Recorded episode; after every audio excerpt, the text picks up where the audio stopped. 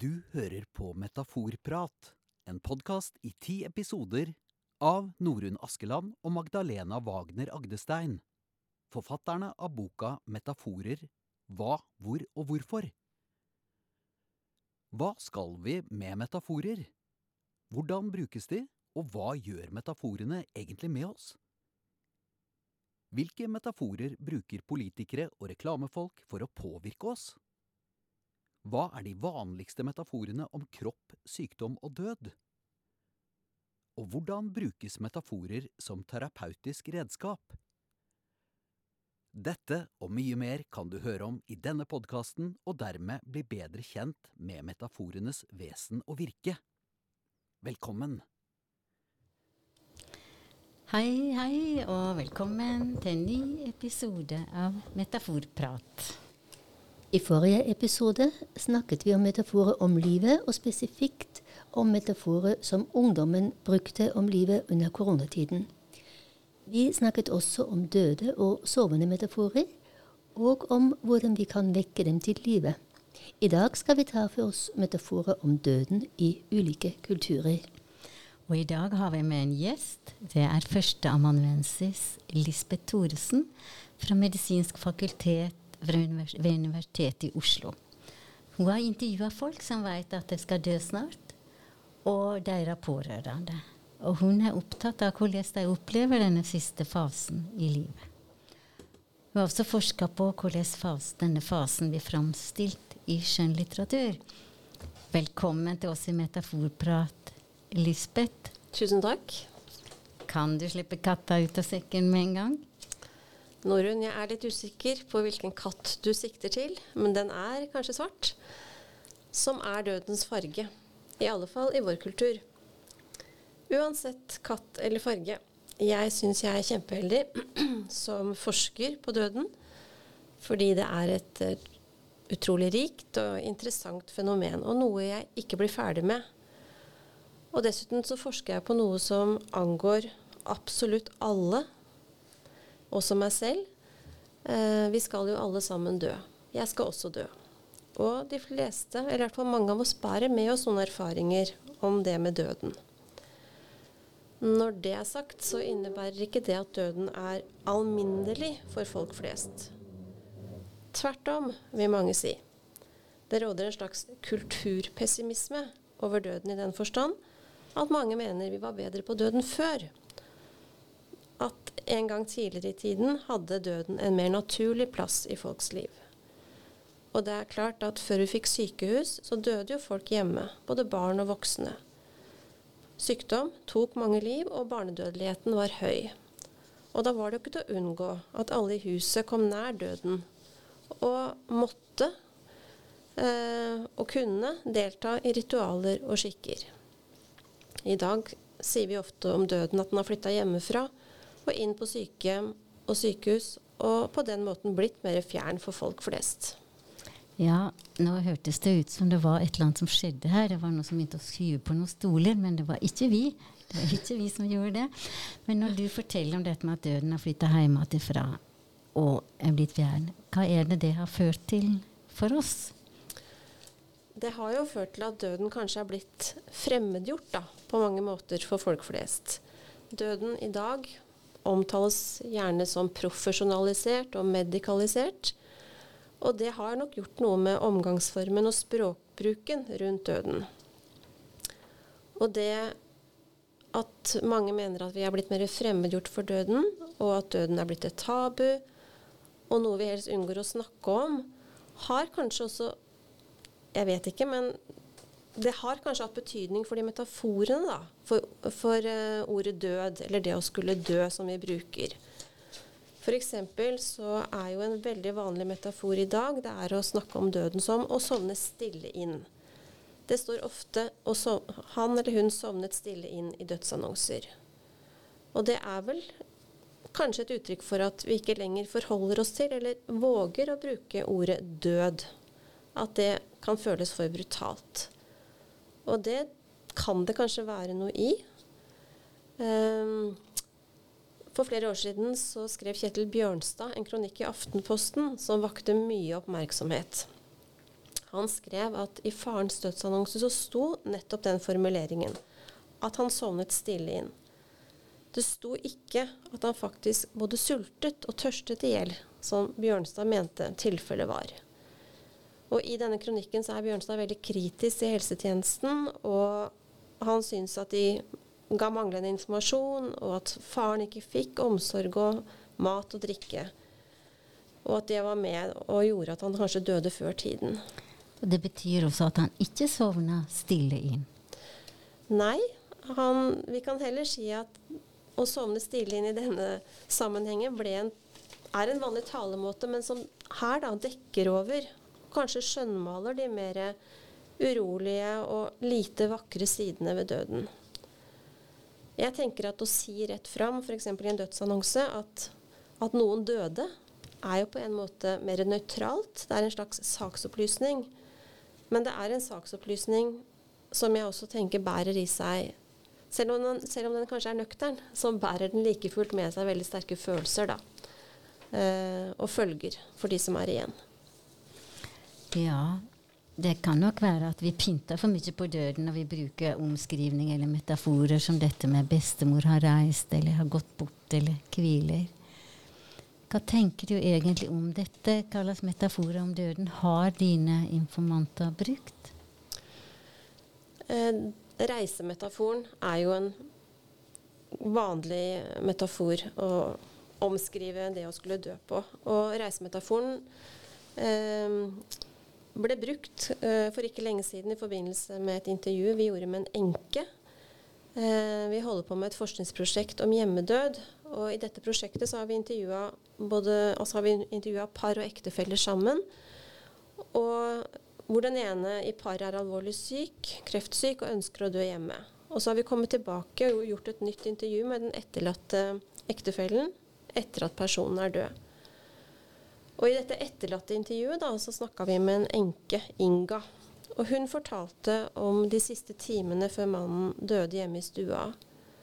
Hun fortalte at hun snakket til mannen sin, og når hun skjønte at det gikk mot slutten, så sa hun at nå kan du legge ut på reisen din, men det må du gjøre aleine. Hun brukte også uttrykket 'slippe taket'. Hun sa til mannen sin at han kunne slippe taket, og at familiemedlemmer ventet på den andre siden. Og dette med å slippe taket, det brukte også en annen enke vi snakket med, Berit. Der var planen at mannen hennes skulle dø hjemme, men han trengte etter hvert så mye hjelp at han selv ønsket å legges inn på sykehus.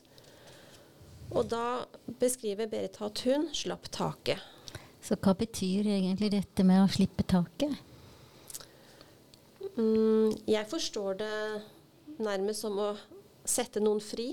La de gå. Eh, og i disse to intervjuene brukes jo det å slippe taket både for den som skal dø, som slipper taket i livet, og for den som er igjen, som slipper taket i den som skal dø. Men ellers så syns jeg nok at deltakerne i hjemmedødsstudien vår egentlig snakker om døden og bruker ordet død i ganske stor grad. Da. De sier f.eks. at her vil hun dø, eller han døde jo på onsdag osv. Han døde i stua her. Uh, noe annet som der, den reisemetaforen uh, får meg til å tenke på Det er en ganske uvanlig dødsannonse jeg kom over en gang. Hvor, den, hvor det var den avdøde selv som hadde formulert eh, dødsannonsen. Og der sto det sitat Takk for meg. Så var det tid for å sette kursen hjemover for denne gang. Livet her på jorden ble avsluttet så altfor tidlig pga. kreftsykdommen. Og her er jo reisemetaforen med men også metaforen hjem for det å dø, eller hva døden innebærer. Og som jeg forstår som en kristen livsanskuelse, altså hjem til Gud, hjem til himmelen. Ja, nå har vi fått mange eksempler på reisemetaforer. Og hva tenker du, Magdalena, er det vanlige metaforer for døden i vestlig kultur? Dette med reise? Ja, Reisemetaforen som uttrykk for en bevegelse fra et sted til et annet er en vanlig dødsmetafor i kulturer hvor man ser for seg at det finnes et liv etter døden i en eller annen form. I vår kultur er det også vanlig å snakke om døden som avskjed, at den døde har forlatt oss, har gått fra oss. Man snakker altså om døden som bortgang, og som sagt som en reise til et annet sted. I gresk mytologi framstilles døden, altså overgangen fra liv til død, som en reise med båt, hvor fergemannen Karon frakter den avdøde over elven som skiller jorden fra underverden eller dødsriket. Eh, på norsk har vi jo uttrykkene 'siste seilas' og 'siste reis'. Det er å kaste oss. Og i disse metaforene gjenspeiles den kulturelle rammen de har oppstått i, nemlig Norge som sjøfartsnasjon. Og så har vi metaforen som beskriver døden som hjemkomst, og den er forankret i en gudstro hvor livet etter døden er hjemme hos Gud i himmelen.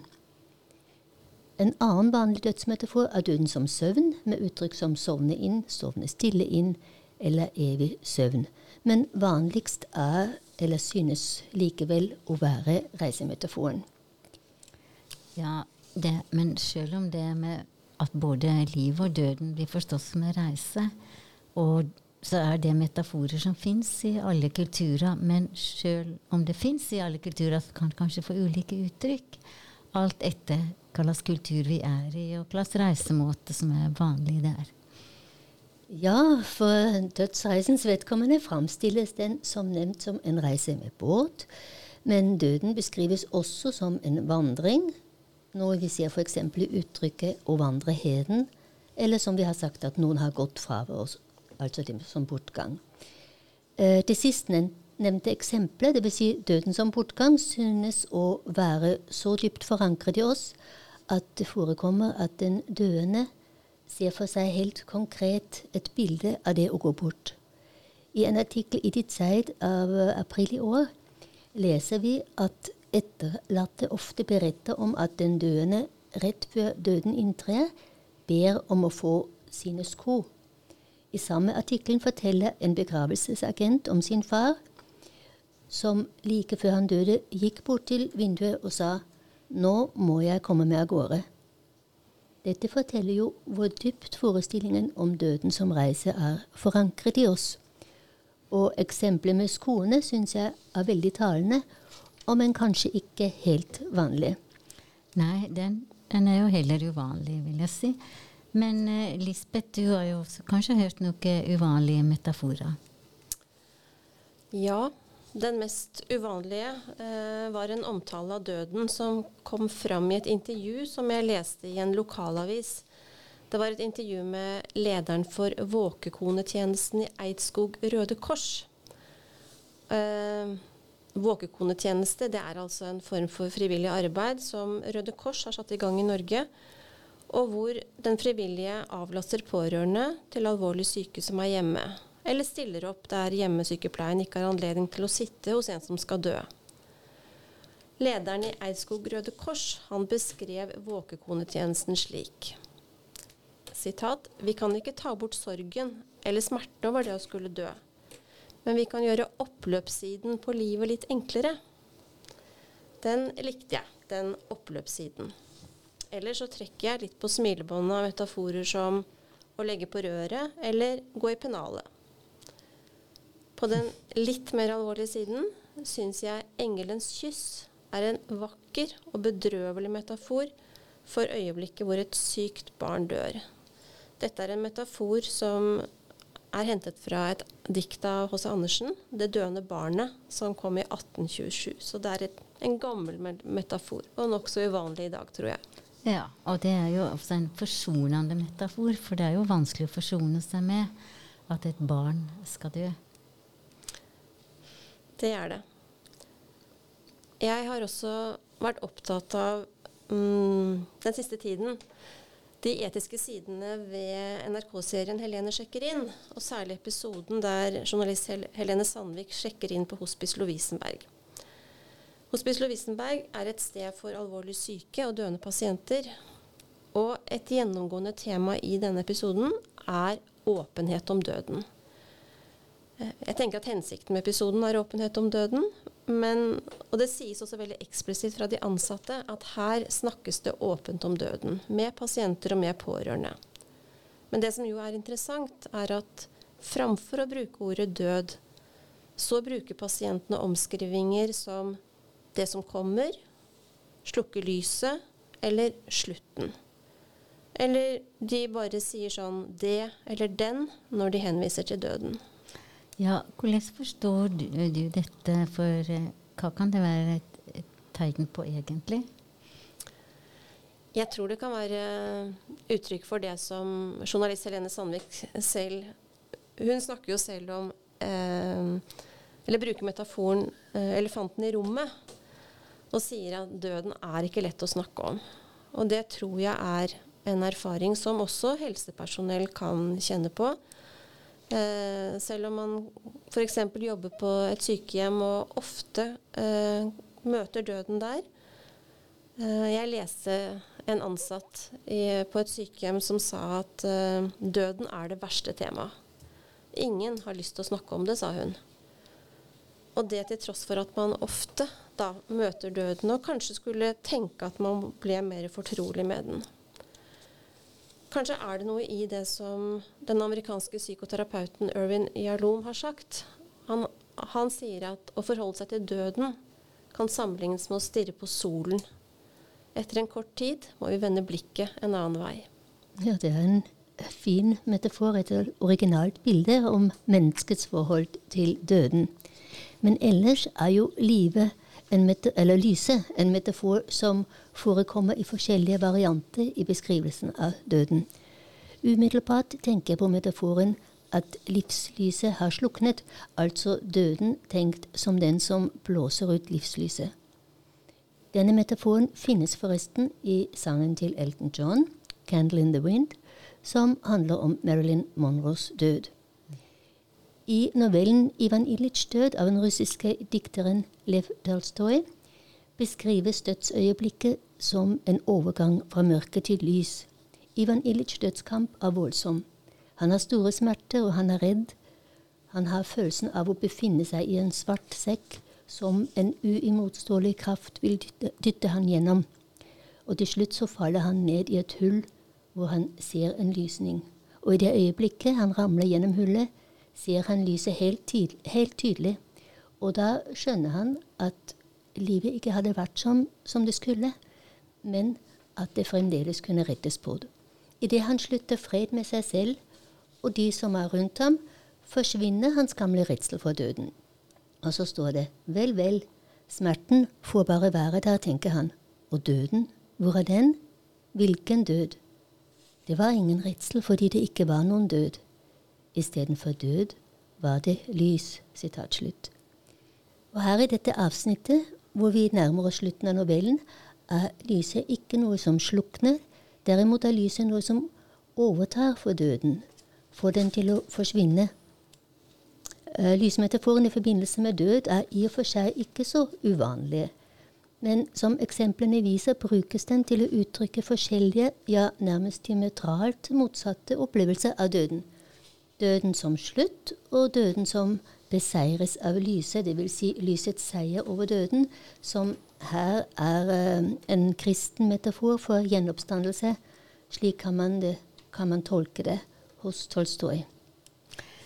Ja, så langt så har jo vi tatt fram eksempel for metaforer om døden i vår vestlige kultur. Men det er jo også ulike metaforer for døden i ulike kulturer. Blant annet så er det en spesiell metafor i arabisk kultur. Kan du fortelle oss om den, Magdalena? Ja, da kan jeg nevne metaforen som beskriver døden som en svart kamel som en gang vil knele foran enhver manns dør. For et vestlig publikum er denne metaforen kanskje ikke umiddelbart forståelig, men vi skjønner at den kommer fra en annen kultur, siden døden framstilles som et dyr som ikke tilhører den vestlige verden. Men for virkelig å få tak i metaforen bør vi kjenne til dens kulturelle bakgrunn. Vi må vite at en, kane, en kamel kneler når den skal få en rytter på ryggen. Kamelen er også kommet for å hente noen og bære vedkommende bort. Denne metaforen er eksotisk for oss i vår vestlige kultur, men den bygger likevel på den samme og for oss velkjente metaforen om døden forstått som reise.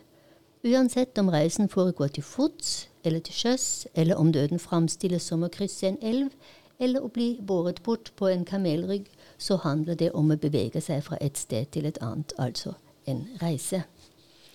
Ja, som du sa, det handler om å se på døden, eller livet, da. Livet og døden som en reise. Det som er Spørsmålet er jo hva reiser vi til? Og det, er det sånn å forstå at folk har ei tru på livet etter døden? Hos oss f.eks. i vestlig kultur. Hva tenker du om det, Lisbeth? Hva, hvordan uttrykker folk seg om dette? Jeg tror jeg kan si at uh, i de studiene jeg har vært med på, så har det ikke vært noe tema, rett og slett, å snakke så mye om det som kommer etterpå. Um, og det kan jo ha sammenheng med at vi lever i en sekularisert tid. Um, og jeg mener at jeg har lest statistikk som sier at det er ja, kanskje omtrent halvparten av oss som tror og ikke tror på et etterliv. Um, og denne sekulariseringen ser man jo også f.eks. i dødsannonser, hvor det jo var vanlig tidligere at alle hadde et kors, mens i dag er eh, disse symbolene byttet ut med hjerter, fugler, blomster eller helt sånn konkrete ting som en lastebil eller en traktor. Altså som kanskje viser mer til den som er død, enn, til noe utenfor, dø, utenfor og videre, videre etter døden. Eh, men kanskje ligger det samtidig et håp, da. Uh, I formuleringer som 'sovnet stille inn' eller 'forlot denne verden'. Et håp om at det skal være noe mer. Uh, fordi 'sovne stille inn' er jo, det er jo noe midlertidig. Man våkner jo etter å ha sovet. Og den som forlater oss, kan jo komme tilbake, eller vi kan kanskje møtes igjen på en eller annen måte. Um, jeg tenker litt på en bok jeg har lest av Wenche Myhleisen som heter 'Jeg skulle ha løftet deg varsomt over', Uh, som handler om hennes mors siste tid og, og døden. Og, og tittelen forteller jo noe om dette uh, med å løftes over til. Eh, jeg skulle ha løfta deg varsomt over. Over til hva, vil jeg spørre. Hva er dette noe som man eventuelt løftes over til? Og nylig leste jeg en kollega eh, som skrev på Facebook om eh, at hun hadde mistet moren sin. Og hun skrev veldig, en veldig fin tekst eh, på Facebook-feeden og avsluttet liksom henvendt til sin mor. Når det en gang blir min tur, drømmer jeg at du vil ro meg over.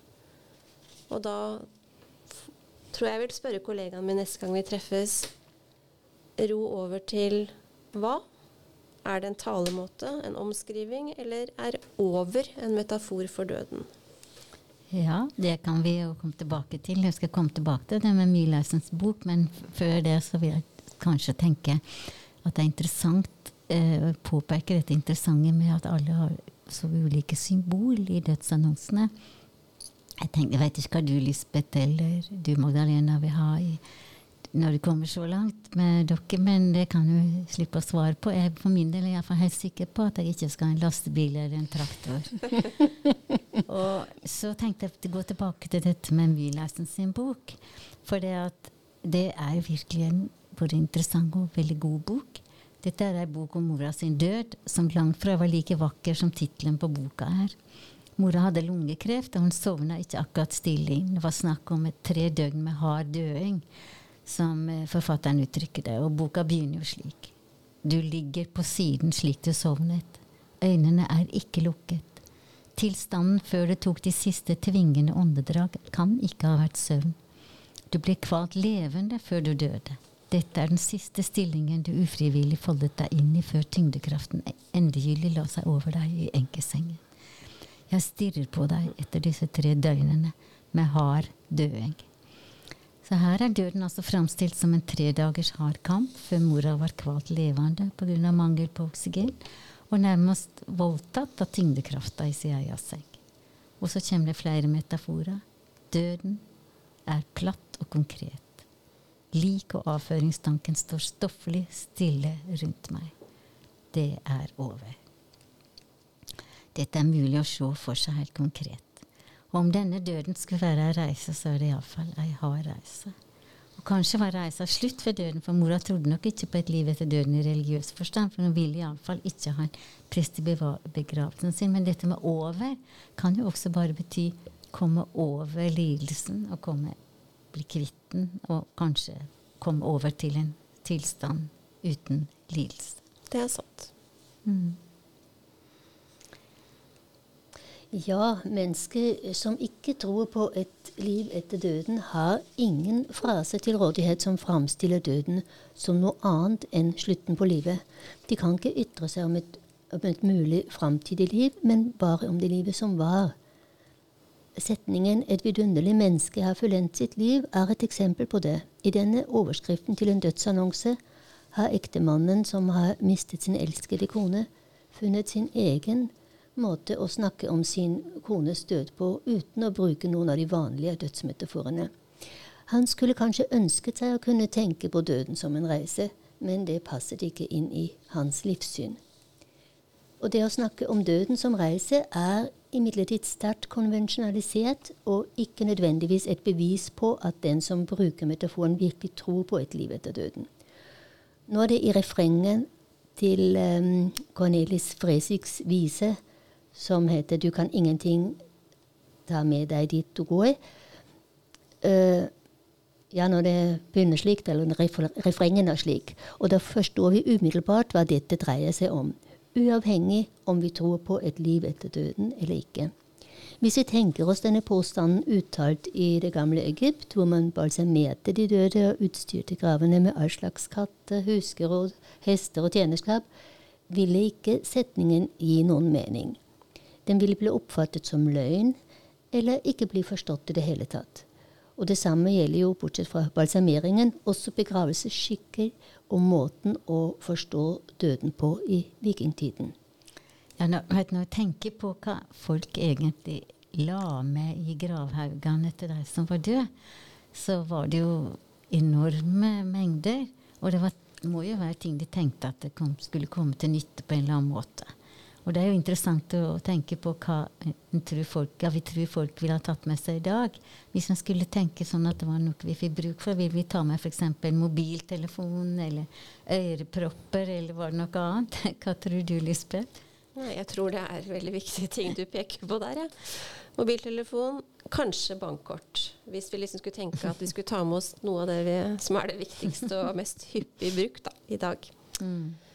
Nei, jeg vet ikke helt hvor vanlig det er at folk vil ha noe med seg selv. Eh, det som kanskje er mer vanlig, er at folk kanskje har et ønske om hva de vil ha på seg i, når de skal begraves i en kiste.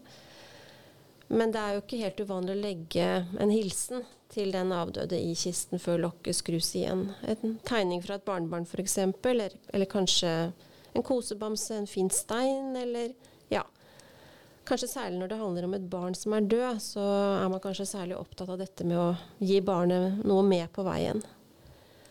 Uansett så er det i dag veldig strengt regulert eh, hva som er lov å legge i en kiste. Blant annet må det være nedbrytbart. Og her tror jeg nok at begravelsesbyråene har ganske strenge rutiner å følge med. Men kanskje det kunne være sånn jeg som er så glad i frukt f.eks., kan kanskje få meg noen epler og pærer. Det hadde vært koselig. Det tror jeg kan gå fint. Og så er det jo dette da at eh, vi har jo nå hatt mange eksempler på både liv og døden forstått som en reise, og vi har hatt eksempler fra flere kulturer. Eh, det er kanskje også mer å si om det, Magdalene? Ja, vi kunne kanskje nevnt eh, eh et eksempel fra Talstoi. Geir Kjetzer, som var professor i russisk litteratur på Universitetet i Oslo, han skrev i sin bok om Tolstoy at han hadde lenge vært opptatt, om, uh, opptatt av togmetaforen, dvs. Si det å beskrive livet som en togreise. Et av eksemplene han nevner, er Glem ikke at du alltid er i bevegelse. Du sitter ikke hjemme i huset ditt. Du sitter på et tog som bringer deg til døden. Her kjenner vi altså igjen reisemetaforen, at livet er en reise mot døden. Et annet eksempel fra Tolstoy er vi er alle passasjerer på livets vei. Noen stiger på, andre stiger av. Døden er, som vi vet, et stort tema i litteraturen, herunder også nær døden-opplevelser. Den ungarske forfatteren Peter Nadas har selv hatt en nær-døden-opplevelse da han fikk hjerteinfarkt. Også før sin egen erfaring med det hadde han beskjeftiget seg med berettelser fra andre folks nær-døden-opplevelser. Nadas beskriver i boken 'Den egne død', 'Det egne tård', heter det på tysk, hvordan han opplevde dette som et sug eller en glidende overgang til en annen verden, til frihet, letthet og en opplevelse av en uendelig lettelse som inntrer gradvis. Først er det å bli fri fra kroppsmetaforer, så å bli, bli fri fra tanker, og til slutt tilbakevendingen til en urtilstand hvor begrepsmessig tenkning ikke eksisterer. Det er også interessant at han beskriver disse stadiene i dødsprosessen med en mekanisk metafor. Det var som om gjengene i en skrue transporterte ham gjennom de enkelte stadiene, skriver han, hvor han til slutt endte på det perfekte stedet, hvor han opplevde en fullkommen lykke. Dette høres så godt ut, rett og slett. At ut fra en sånn beskrivelse behøver han jo ikke være redd for det. Mm. Mm. Jeg tenker at skjønnlitteraturen også kan eh, bidra med å nyansere kanskje de mer stereotype forestillingene om døden som de vanligste metaforene bærer med seg. F.eks. dette med å sovne stille inn, da.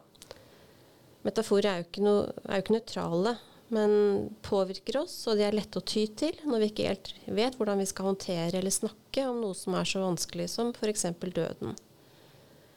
Og jeg tenker at uh, metaforer kan bidra til å skape urealistiske forventninger eller bilder slik f.eks. Marianne Martinsen skriver om i boka 'Selveiersjanger' fra 2021. Her kan vi lese om uh, hvordan bokas hovedperson Tonje på vei til morens dødsleie allerede hadde sett for seg at det skulle bli en stille stund. Hun skulle være alene med mor, hun skulle lukke øynene hennes, folde hendene hennes oppå dyna og kysse panna hennes farvel. Dødsleiet blir imidlertid langt fra fredfullt men tvert om preget av smerter og uro. Mer som den siste striden som Sigrid Undset skriver om i 'Husfrue', den andre boka i trilogien om Kristin Lavransdatter. Her er det Lavrans, far til Kristin, som ligger for døden. Skildringen av hvordan Lavrans la seg ned og ikke kom opp igjen, er gripende og sterk og vakker, men er også den siste striden. Ja, og det at døden er en strid, det er vel kanskje vanligere enn en man vil vedgå eller gå fram til. Men uansett så er døden ikke bare én ting. Og det er heller ikke bare en metafor som kan brukes om ham.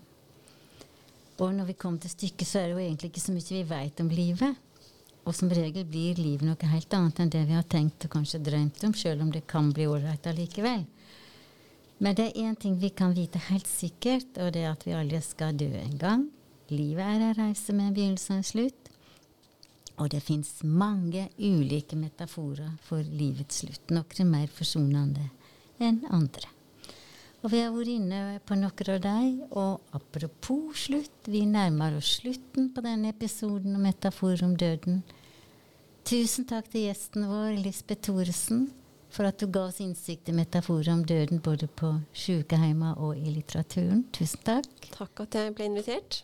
Ja, og da gjenstår det bare å si tusen takk til lytterne våre. Del gjerne lenken til episoden på Spotify, og gjerne hør på oss i vår neste og siste eh, podkast i denne sesongen. Og da blir temaet metaforer fra morgen til kveld. Men for denne gangen sier vi takk for nå, og velkommen tilbake neste gang.